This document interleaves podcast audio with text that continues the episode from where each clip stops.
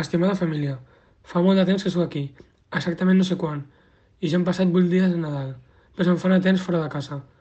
El passat 24 de desembre, tots els nostres companys al front ens vam posar d'acord a prendre un respir, un respir ben merescut després de molts mesos de patiment i d'angoixa.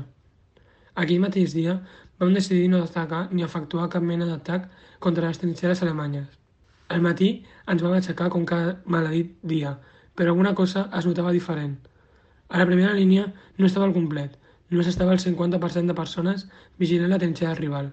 Quan em vaig dirigir cap a la caserna del general, vaig preguntar on es trobava la resta. Ell em va dir que eren a la cuina fent galetes de Nadal per una petita celebració.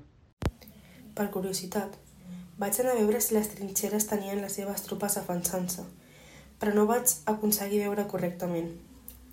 Quan anava a fer el torn de vigilància, el meu general em va dirigir cap al menjador, i jo, sense saber què fer, em vaig quedar perplex en veure la majoria dels soldats reunits per cantar Nadales.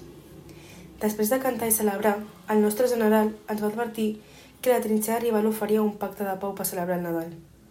Ens van proposar de jugar un partit de futbol. Després de passar una tarda de diversió, jugant partits de futbol, en acabar la tarda, vam compartir xocolates i moments de diversió. Però els generals, de més càrrec del país, en assabentar-se del que va passar, es van enfadar i van exigir que tot tornés a la normalitat. No us mentiré. La vida de les trinxeres és el pitjor que us podeu imaginar. Vivim entre fang, rates, morts. Estic fart de, de veure com mor un soldat, un company, de posar-me màscares de gas i que s'enfonsi la trinxera contínuament.